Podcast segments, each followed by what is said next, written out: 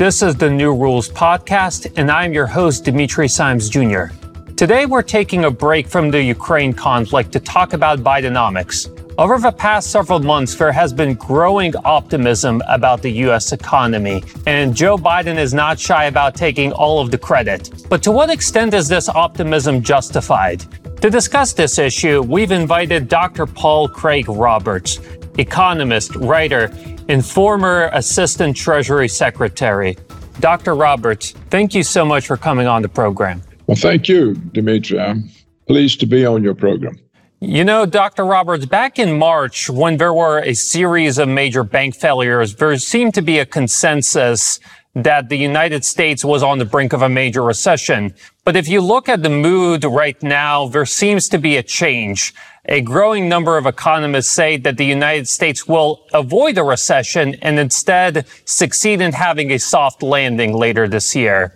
Do you think they have a point? Well, I don't really know, Dimitri. You see, they rely on uh, official statistics, which, in my view, are notorious. Um, they either undermeasure or they overmeasure, depending on what the agenda is. So it, when they try to determine what's going on by official statistics, uh, they simply mislead themselves. So I don't know. I don't really think it's important uh, whether the United States is about to have a recession or not. And I don't think that what's wrong with the United States economy uh, has anything to do with uh, Joe Biden, um, except that his policies uh, in sanctions against Russia and now starting a trade war with China will have deleterious effects on the United States dollar. And, um, and this, of course, will lead to something far worse uh, than a recession. the problem uh, with the dollar has been brewing for a very long time. And I think in order to uh, comprehend uh, the kind of problems the United States is very likely to face uh, in the near future, uh, we need to understand uh, what has gone wrong with the American economy and how the dollar has been set up for uh, a, a, serious uh, loss in value. that seems to me to be um, um the pertinent problem, and it's a serious problem and goes far beyond uh, a current uh, president or um, uh, the prospect of a, of a recession. So you say that the U.S. dollar is the major point of risk in the U.S. economy. Could you elaborate on that? Why are you concerned about the status of the U.S. dollar? Well, this is a uh, this is sort of a long story, uh, but I think it's important the the dollar assumed the role of world reserve currency after World War II. Uh, the the Americans took it from the British pound, and what this meant, if the dollar is the world reserve currency, is that um, the United States uh, you know, had no financing problems because other countries settled their international accounts in dollars. And this sort of was solidified uh, with the deal that President uh, Nixon made with the Saudi Arabians. I, Saudi Arabians, I think, in 1973, with the creation of the petrodollar, where oil would be billed in in dollars. So this created a great demand for dollars. All central banks held their reserves in dollars, or you know, in dollar-denominated assets, U.S. Treasury bonds and uh, today uh, U.S. equities. So that there's been a huge demand for dollar denominated assets, financial assets, stocks and bonds, bills that are held as reserves by all foreign central banks. So that's how they settle their trade differences. So what this means is that uh, there's always financing for America's budget deficits and America's trade deficits. Because the dollars are reserves and countries use them to settle their trade differences. And of course, uh, the world economy grows slowly over time, the amounts become larger. So there's never been a problem with financing uh, U.S. debt, neither the budget deficit nor the trade deficit. Now, the budget deficits have just become uh, a part of American life because they weren't a financing problem. So why worry about them? The Republicans always worry about them.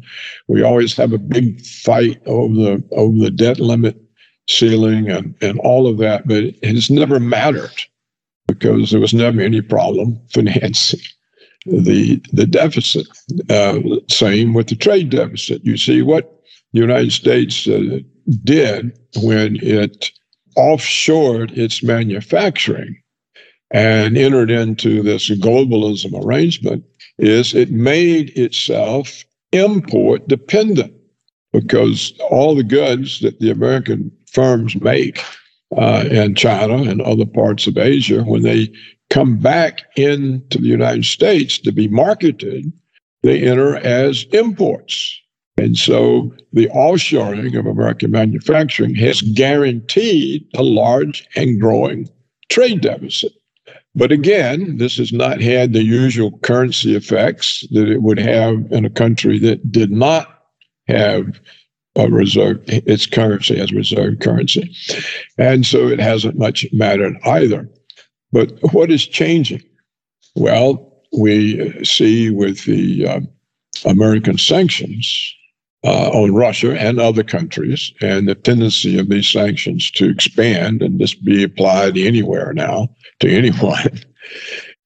what this has done is made other countries realize hey, holding our reserves in dollars means uh, we're under the Americans' thumb. If we don't uh, comply with their foreign policies, their financial policies, uh, they can confiscate our reserves as Washington did to Russia. So we and and also the uh, effect of sanctions is an effort to break up the ability of those who are sanctioned uh, to engage in international trade. How do they pay? How do they pay for their imports? And so we see now a movement away from the use of the dollar as reserve currency. We, we see countries now focusing on uh, keeping their reserves in gold and in the currencies of their trading partners. And we see now that uh, international balances between countries, the trade differences, are being settled in other currencies, in their own currencies, in the currencies of their trading partners. Well, this change is not really dramatic and all at once, but it's ongoing. And we have already seen a marked decline in the use of the dollar as um, the, the currency that settles international imbalances, trade imbalances. So as this continues, and now, of course, uh, we, we in Washington, they are um, uh, starting a, a trade war with China, trying to hold down China's development. You have to remember the principal goal of American foreign policy, as stated clearly by the neoconservatives who control our foreign policy. The principal goal of that foreign policy is to prevent the rise of any country that could serve as a constraint on American unilateralism. Well, who who are those countries? Obviously, Russia and China, and so they are bearing the, the brunt of this effort. But what the effort does when Washington, you know, applies these kinds of policies, it it discourages the use of the dollar. And so what we what we see as countries abandon the use of the dollar, we see America's financing problems become real for the first time. Uh, what will happen if they cease accumulating dollars, they cease buying uh, treasury bonds to hold uh, as reserves, they cease buying American equities, is these prices of these financial assets will fall. Well, if bond prices fall, interest rates go up. And also, the dollar's value in uh, exchange markets will fall. Well, as the dollar falls, import prices go up. So, what the situation is set for in the United States is rising interest rates, falling value of the dollar, and therefore rising domestic inflation because offshoring and globalism has made the United States import dependent. You see, when I was uh, a young man studying economics, the United States was essentially a self sufficient country. Uh, it, it, it, it, didn't have uh, any kind of import dependency. Uh, later, it had, a, it had one in oil, uh, but um, uh, that was solved, as I said, with the agreement Nixon made with the Saudi Arabians. Well, but all this is now changed out from under us because the number, the, the amount of dollars loose in the world as central bank reserves is phenomenal. It's in many, many, many trillions. And so as people decide to get out of these holdings rather than to continue increasing them, it puts American interest rates and the, and the dollar's value, exchange value, under pressure. So that's the real problem that the United States faces. What can it do about it? I doubt it can do anything. It's going to go through a, a, a very painful adjustment process. The living standards will will fall because inflation will rise and and import prices will rise. Now, is it going to happen tomorrow? We wake up? No, but it's already happening. It's, it's, it's a gradual thing, and it will pick up momentum as it goes, and the uh, results become more obvious. People will rush to get out of the dollar, and when that starts, then it the process moves quicker. So that's my explanation, uh, D- Dimitri, of what the, the real situation is. Of course, it's ignored. Uh, there's no discussion of this. Uh, if the Federal Reserve knows about it, there's no sign that they do. If the United States Treasury knows, there's no sign that they do the neoliberal economists uh, pretend that nothing really has changed. There's no alternative to the dollar as a reserve currency, blah, blah. But what they don't realize is you don't need a reserve currency. The only reason we have one is because after World War II, the United States had the only industrial economy that wasn't destroyed. Every other economy was destroyed. So there was no currency. No country had a currency that had any worth, any backing.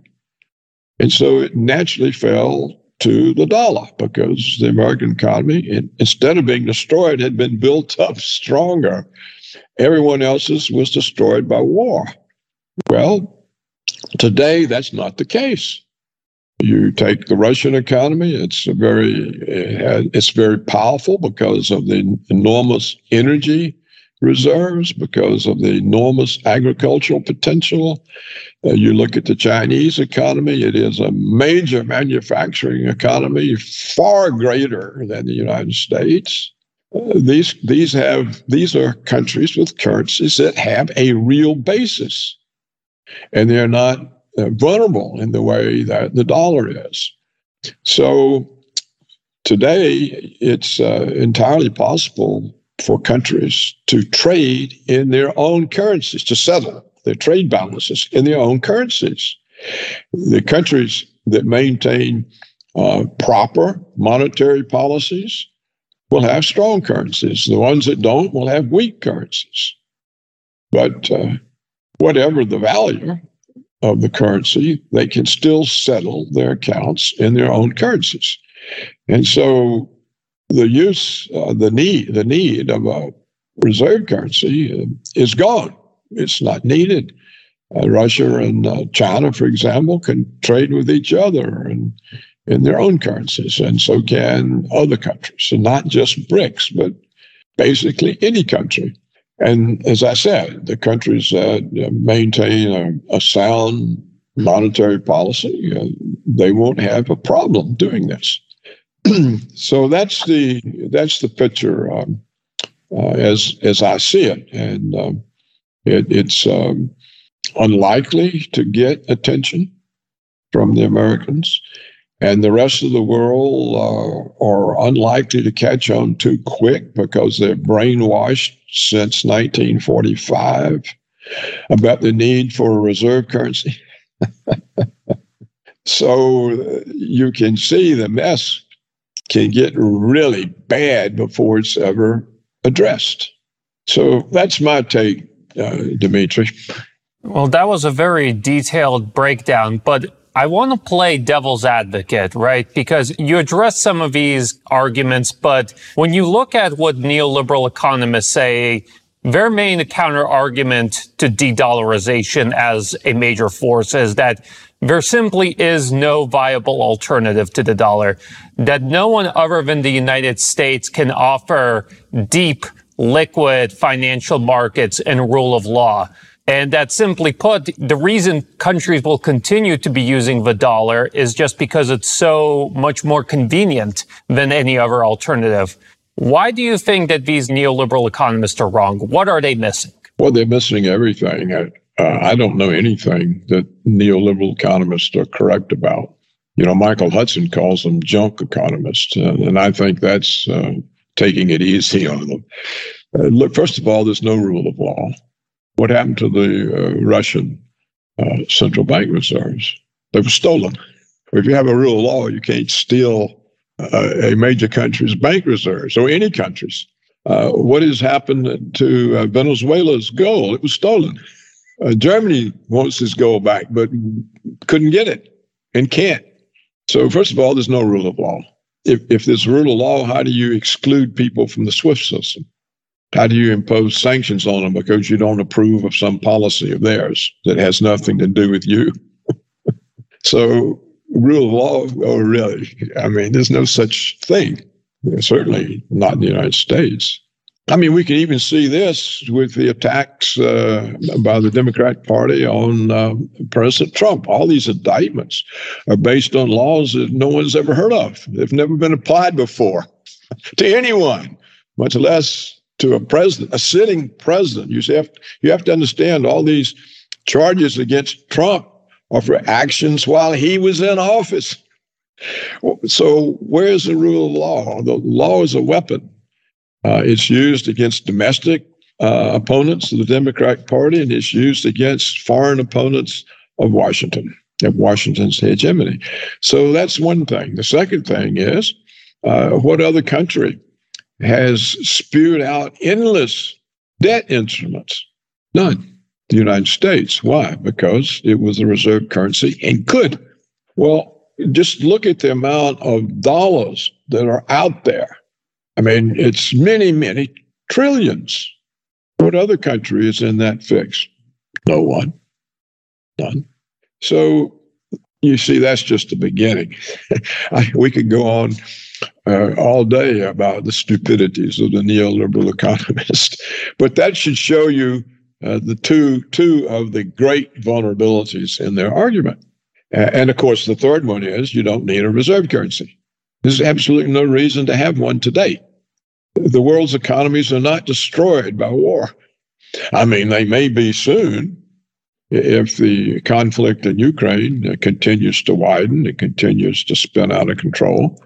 Uh, but at the moment, um, there are many economies who can settle their differences, the trade differences, in their own currencies. So uh, we don't need a reserve currency, and and uh, all it's done for the dollar is to get it in trouble and to set the United States up for currency collapse, high interest rates, high domestic prices. I want That's to remind America's future. That I want to be very clear. I'm convinced that that is America's future. I don't know how close it is, but the process has already begun. I want to remind our audience members that you are watching and listening to the New Rules podcast. I'm your host, Dimitri Simes Jr., and our guest today is Dr. Paul Craig Roberts. Dr. Roberts, we've been talking about the pros and cons of de-dollarization. I want to get more into the details of how this process will develop from this point onward, because you are right that more and more countries are looking for alternatives to the dollar. But still, when you look at global trade transactions, global financial transactions, the dollar continues to dominate. What needs to happen in order for that to change? Well, Dimitri, I think it's already changed. Um, I mean, it's difficult to rely on any official information or any information you see because today information is fashioned to support whatever the official narratives are. But I saw recently that the dollar was now now accounted for less than half of international payments. Well, it used to be essentially all of them. So to say nothing has changed, it obviously has. If the report I saw recently is correct, that it was either 49% or 47%, was now the dollar share of international payments, settlements. So that's a massive decline. Is it correct? I don't know because I don't I don't, first of all, know if I can have any confidence in reports. And second, uh, the report could have been a typo. Instead of uh, 47, it could have supposed to have been 74. Who knows? But it is known that the it is a fact that the dollar is shrinking compared to the past uh, as as uh, the use to settle trade differences, trade imbalances. It's not growing; it's shrinking, and so the process has uh, has already started. And if it's already as low as uh, 47 or 49 percent, and I don't know that it is, that's just what I read, uh, then uh, we can see there's been a massive change already. And once again, Dimitri, the notion that you have to have a, re- a reserve currency is false. You see, reserve currency originated under the British Empire, but they dominated the world. You have to remember the sun never sets on the British Empire. They had not only that, they controlled trade. They had these these trade agreements that President Roosevelt made them abandon for his support in World War II. So the origin of, of uh, reserve currency was British power, its worldwide dominance of trade. Um, and with the uh, end of World War II, uh, Roosevelt, President Roosevelt, the Americans dismantled the British Empire and took the role of reserve currency. So, and they did it on purpose because it gives that country with the reserve currency enormous power. They can pay their own bills by creating money. That's the advantage of reserve currency. You can pay your bills by creating money. You don't have to make things that you sell to others for money in order to pay your bills to people you buy from. You just create money. That's the advantage of being the reserve currency. And that's the advantage that Washington is set up to lose. And of course, it means it loses its power. And you would think, confronted with such a loss, uh, Washington would be trying to make the dollar desirable. It wouldn't be scaring people away from using it by confiscating people's uh, central bank reserves and so on and so on. But it's acting very foolish. It's uh, and it's been foolish for years and years. Why in the world would a powerful manufacturing economy decide to locate its industry off bo- uh, offshore? That's deindustrialization. It impoverished the uh, American middle class, the blue collar middle class, the manufacturing workers, the industrial workers. What do they do now? They they work part time jobs in Walmart and Home Depot the kinds of errors the United States has been making are, are just uh, they're just catastrophic, and you can't make these kinds kinds of errors and survive as a viable economy. And that's the problem the United States has. When we talk about economic development, Dimitri, what do we mean? Do we mean giving away your industry to another country? no. You, it means accumulating manufacturing capability, industrial capability, not relocating it in China or Indonesia or Vietnam or Mexico. But, but that's been the American policy now for 20, 25 years. So, yes, there's momentum. People are used to using the dollar, and that's probably why the process has been as slow as it's been in, in coming to a serious uh, situation. I think you make a very interesting point that there is no need for a reserve currency per se, because I think everyone is just so used to the concept of a reserve currency that they can't imagine a world without one. Could you talk a bit about what are the alternatives? How could, I guess, a multipolar economic world order look like? One without a reserve currency? How would trade look like? What are some of the options countries could pursue in order to make this thing work without the dollar? Well, the reserves would probably be gold. If you look at the the, the Chinese policy and the Russian policy, they seem to be accumulating gold. And so currencies that have gold have some backing.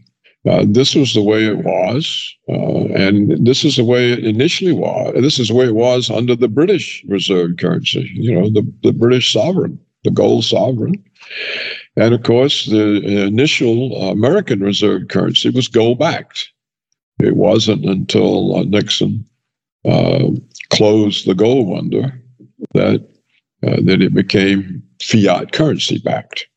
So gold, and um, and so how do you trade? Well, uh, if uh, you are uh, an American company and you buy something from Germany, you can pay them in your currency, or you can pay them in German currency, or if uh, uh, other currencies are sound, the British currency, you can pay them in British currency, or maybe you sell something to the British and they pay you in pounds, and you buy something from the Germans and you pay them in the pounds.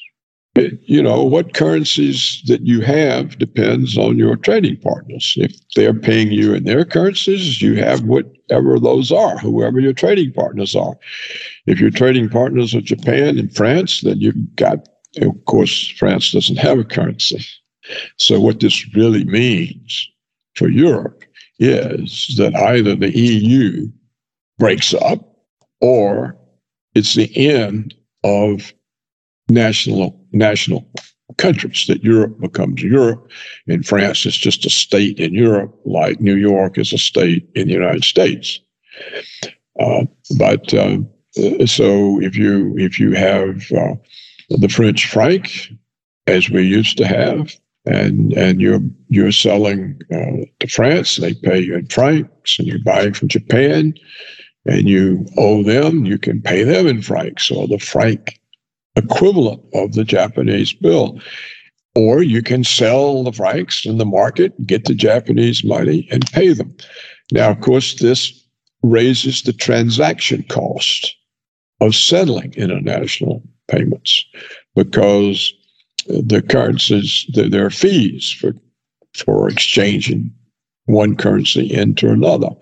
But that's a lot uh, less of a problem than having a, a reserve currency that lets the reserve currency country uh, finance itself at everyone else's expense.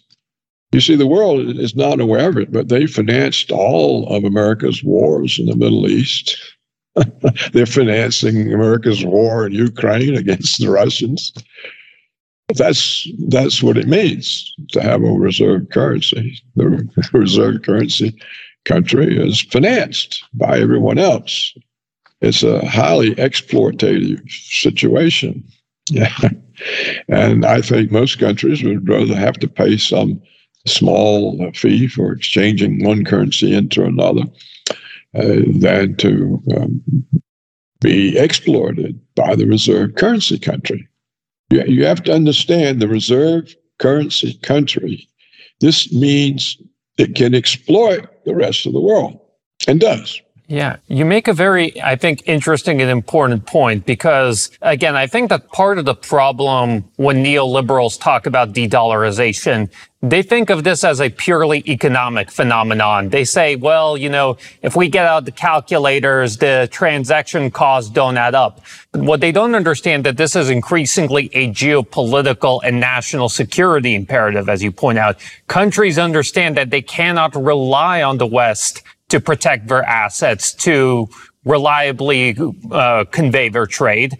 And so they're looking for alternatives for security reasons, for the same reason people buy insurance or, you know, do other things to protect themselves. Right. That's that's correct. I mean, what good does it do to have a bunch of reserves in dollars if Washington can confiscate them? And and and and look, uh, the, the, spillover effects. Who have the sanctions, the Russians, the sanctions on Russia? Who have they really hurt? Europe, U- Europe, and Americans. what have they done to Russia?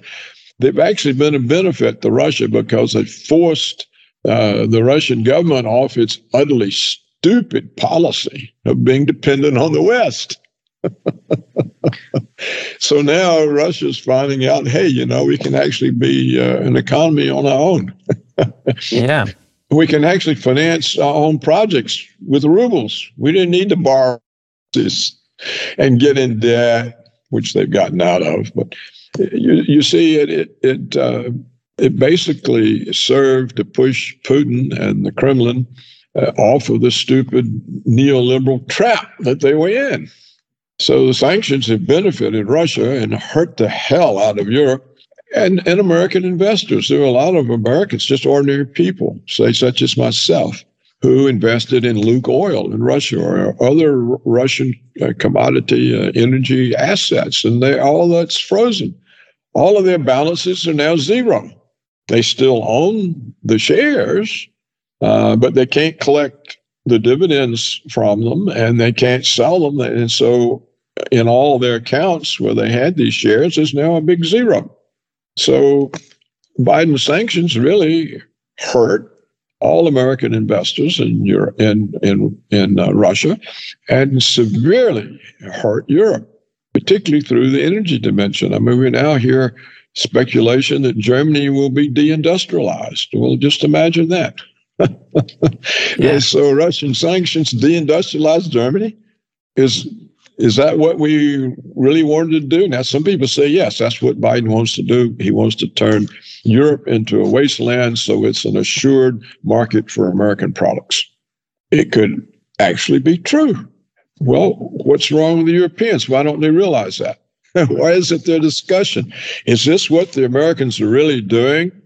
They make they're make, they're destroying our economy by cutting us off from energy and raw materials from Russia and food, uh, so that we are their unique market. Well, I've already heard that uh, German companies are thinking about relocating to the United States. So Germany is go- is Germany this is a question. Are they going to offshore their production to the United States the way the United States offshored its production to China? well, then what happens to German and German employment, to German incomes? When you take your workforce and you convert it from a high productivity, high value added occupation such as manufacturing uh, to retail and wholesale trade, you have cut the hell out of the real living standard. Shelf stockers don't make the same wage that manufacturing workers make because the productivity is not anywhere near as high. The value added is not as high. Moreover, they're now automating shelf stocking. So, you know, all of these issues that I'm bringing out, they are not brought out by anybody. They're ignored, but they're obvious. Why is that? Why are people so utterly and totally blind to the real reality? And they're all talking about things that don't matter. and that have no real consequence. And they're giving reassurances as they whistle past the graveyard. it's it's like it's like they're insane. They simply can't accept reality. They have no comprehension of the world they're living in. I could go on ranting, but I hope the point is clear. Yeah, I mean, the real problems are unacknowledged and unaddressed. And I think they'll remain that way until the slide becomes rapid. Once it becomes rapid, they can't whistle past the graveyard. And when do you think that sort of moment of truth is coming? Because I think a lot of observers have looked over the past decade as the United States has accumulated unprecedented amounts of government debt, soaring private debt, and they said there's no way this can continue on. But all the same, the American economy has managed to stay afloat somehow, keep moving forward. How much long can this whole thing keep on going? Yes, see, Dimitri, the reason it could continue going is the dollar was a reserve currency. So there was a worldwide market for the debt. It was the reserves of every foreign central bank. So more dollar debt just meant you had more reserves. And, and the people going on about uh, the, the American debt didn't understand it either. They just were trying to think, you know, if I was an individual or a company, I couldn't get away with this. So how's the government doing it? And they, it never connected. They never connected the advantage of the dollar as a reserve currency with the ability to issue endless debt because there was always a market for the endless debt. Central bank reserves. What central bank is going to complain because it's got more reserves? None. It's only the effect from Washington threatening the use of the dollar by weaponizing it. When, when Washington started weaponizing the dollar, with sanctions and confiscations, that's when the world started wondering about having dollar reserves. So if you look at it, not only did Washington run up endless debt, it then discouraged everybody from holding it. And people think it's a superpower. It's obviously a totally incompetent bunch of fools in Washington. That's what they are. They've been that way for years. Why expand your debt beyond reason and then go discourage the people from holding it? But that's what Washington has done. Don't expect the neoliberals to admit it because somebody will say, well, where were you when this happened? Where was your mouth? Didn't you understand this? But that's exactly what's happened. What, what I think I read that the, the world holds something like 35, 40 trillion dollars, and we're discouraging them from holding them. you know, China was uh, a, a huge creditor, and now they've stopped and they're selling off. well, you, you see, when, when a country is run in such a totally ignorant and incompetent way, how does it expect to survive? How is it a superpower when it can't even think? It has an economics profession that's completely blind, that understands nothing. A financial press, which, I mean, it's a joke. How does the country survive? Oh, we can survive forever because there's no alternative to the dollar. That's their answer. I mean, it's so ridiculous. I want to remind our audience members that you are watching and listening to the New Rules podcast. I'm your host, Dimitri Simes Jr., and our guest today is Dr. Paul Craig Roberts.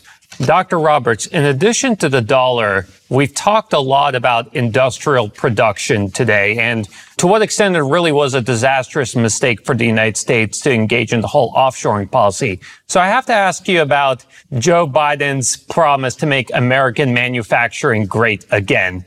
Because he claims that as a result of the CHIPS Act, the Inflation Reduction Act, and the infrastructure bill, that his administration has created 800,000 new manufacturing jobs, invested more than $200 billion into new manufacturing infrastructure.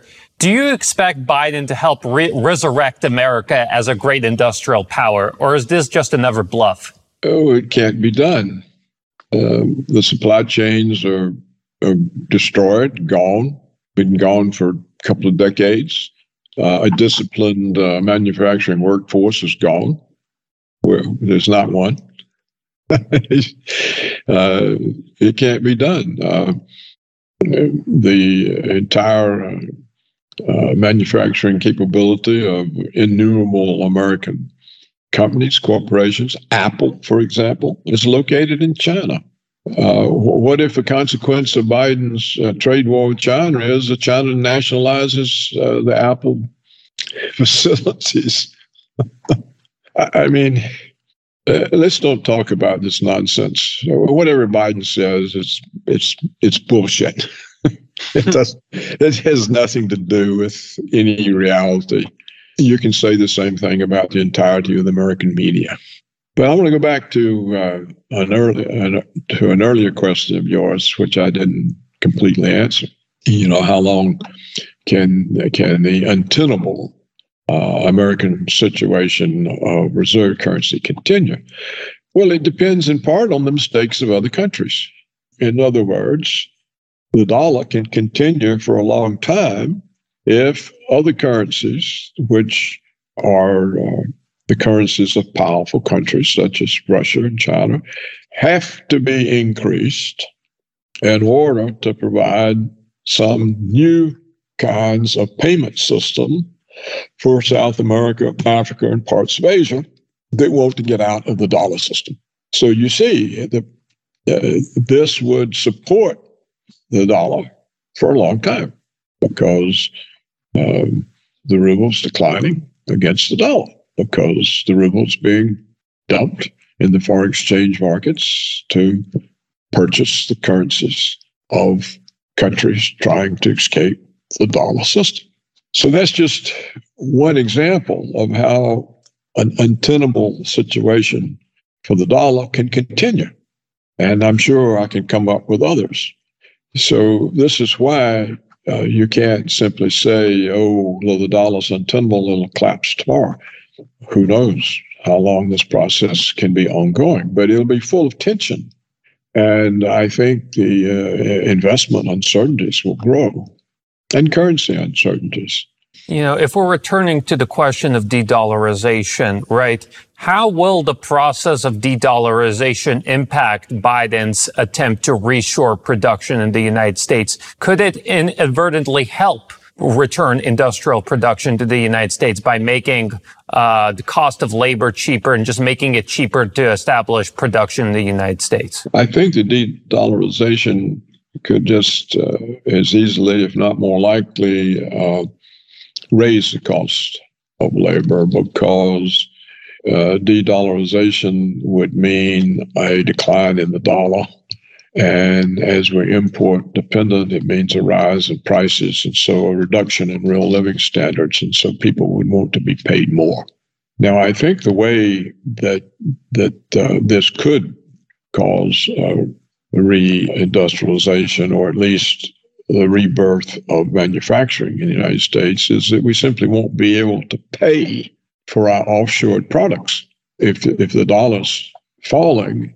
And what you you see, the reason they went offshore was to get cheap labor, so their profits would go up. Well, if if it reverses and being offshore means that your dollar is falling, then the va- the real value of those dollar profits is disappearing. And your trade deficit is growing, but people aren't using the dollars to the same extent for reserve currency. And so who's financing your trade deficit? So you have to start making your things at home again in order to be able to afford them. And so it is true that there is a silver lining in this crazy policy of the United States that can cause a situation to worsen so that, my goodness, we have to make things at home, otherwise we can't afford them. That could exact that could happen. It could be one of the aspects of the unwinding of the dollar as world reserve currency. Now, if somebody uh, can show that, oh, there's no change in the dollar, the dollar's percentage, it hasn't declined at all, or especially if it's growing, then I wouldn't know what the explanation would be. But I don't see how there can be all this talk about de-dollarization if there's no sign of it. Why would they be talking about de-dollarization if actually the dollar is growing in use or holding its same? So the discussion can't be just entirely speculative. I mean, what is the point of it if there's no basis for it? At the same time, I think that most of our audience members would agree that from a logical perspective, it would make sense for the United States to try and reshore industrial production and revive manufacturing.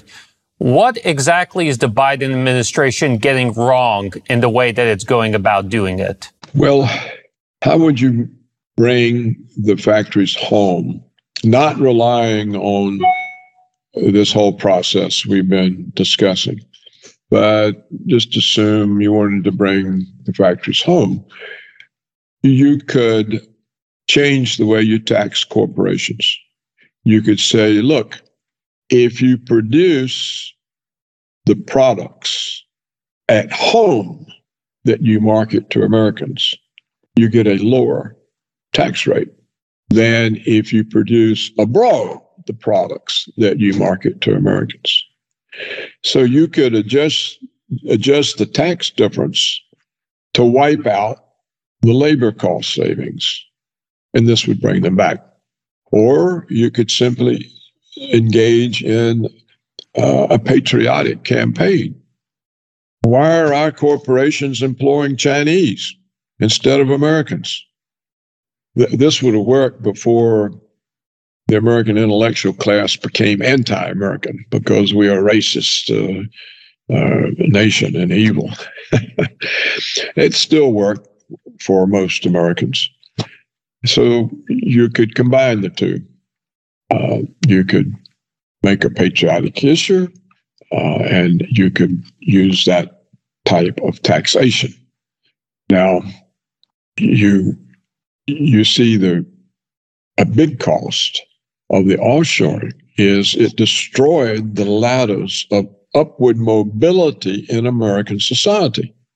Because those ladders of upward mobility, it meant people could come out of, of, of poor classes of people, uh, enter into the manufacturing workforce, and end up with middle class incomes, and even be able to send their kids off to university. But when you offshored the manufacturing, all those ladders came down so it's much harder today to climb up through the, the income ranks because manufacturing isn't there anymore. Uh, and industrial jobs, for the most part, aren't there. Uh, so, in, in that way, the uh, offshoring has hurt us even worse because the United States was known as the opportunity society. You could get ahead if it was up to you, but if you worked and you showed up for work and you paid attention and you and you were trained and you had labor force discipline, then you could rise economically. Well, how do you do that today? Particularly if you're a white male, a white heterosexual male, and you face discrimination in hiring and promotion because uh, the woke emphasis is is not on merit; it's on equal outcomes. So, even if you were to bring back industry in the in the ways I suggested it might be possible to do, um, you would find a large percentage. You would find the majority of the workforce subject to restraint from racial preferences. So it could well be that uh, the United States has taken so many mistaken turns that it can't be revived and that we're just going to experience a, a long decline. Maybe slow, maybe fast, who knows? I guess that does beg the question if, you know, the United States can't revive industrial production. What's next? You said that's a slow decline. What does that mean in practice for our audience members in the United States, for ordinary Americans who just want to support their families and somehow have a normal life comparable to what their parents and their grandparents had? It's going to become very hard. And I, I suspect the cities will become increasingly unsafe.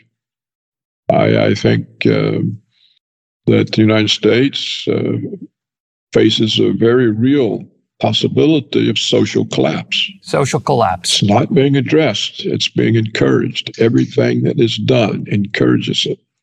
Nothing is being done to address the threats. It's the new morality, the new morality, the woke morality can only end in social collapse. I want to remind our audience members that you watched and listened to the New Rules podcast. I'm your host, Dimitri Simes Jr., and our guest today was Dr. Paul Craig Roberts. Dr. Roberts, I know that you're not big on social media, but where can our audience members go to keep up with your work? Uh, to my website. It's a very easy. It's just my name, paulcraigroberts.org, not .com, .org. And there are postings every day, and there's a huge archive, and you'll at least get a different view of, of reality, and you don't have to accept it but you can know that there are different explanations than the official ones. And if you want to keep up with our work, the very first thing you should do is like and subscribe both on YouTube and on Rumble. We also have a two Telegram channels, Twitter account, and much more. All of that in the link in the description below. Thank you all for tuning in. Till next time.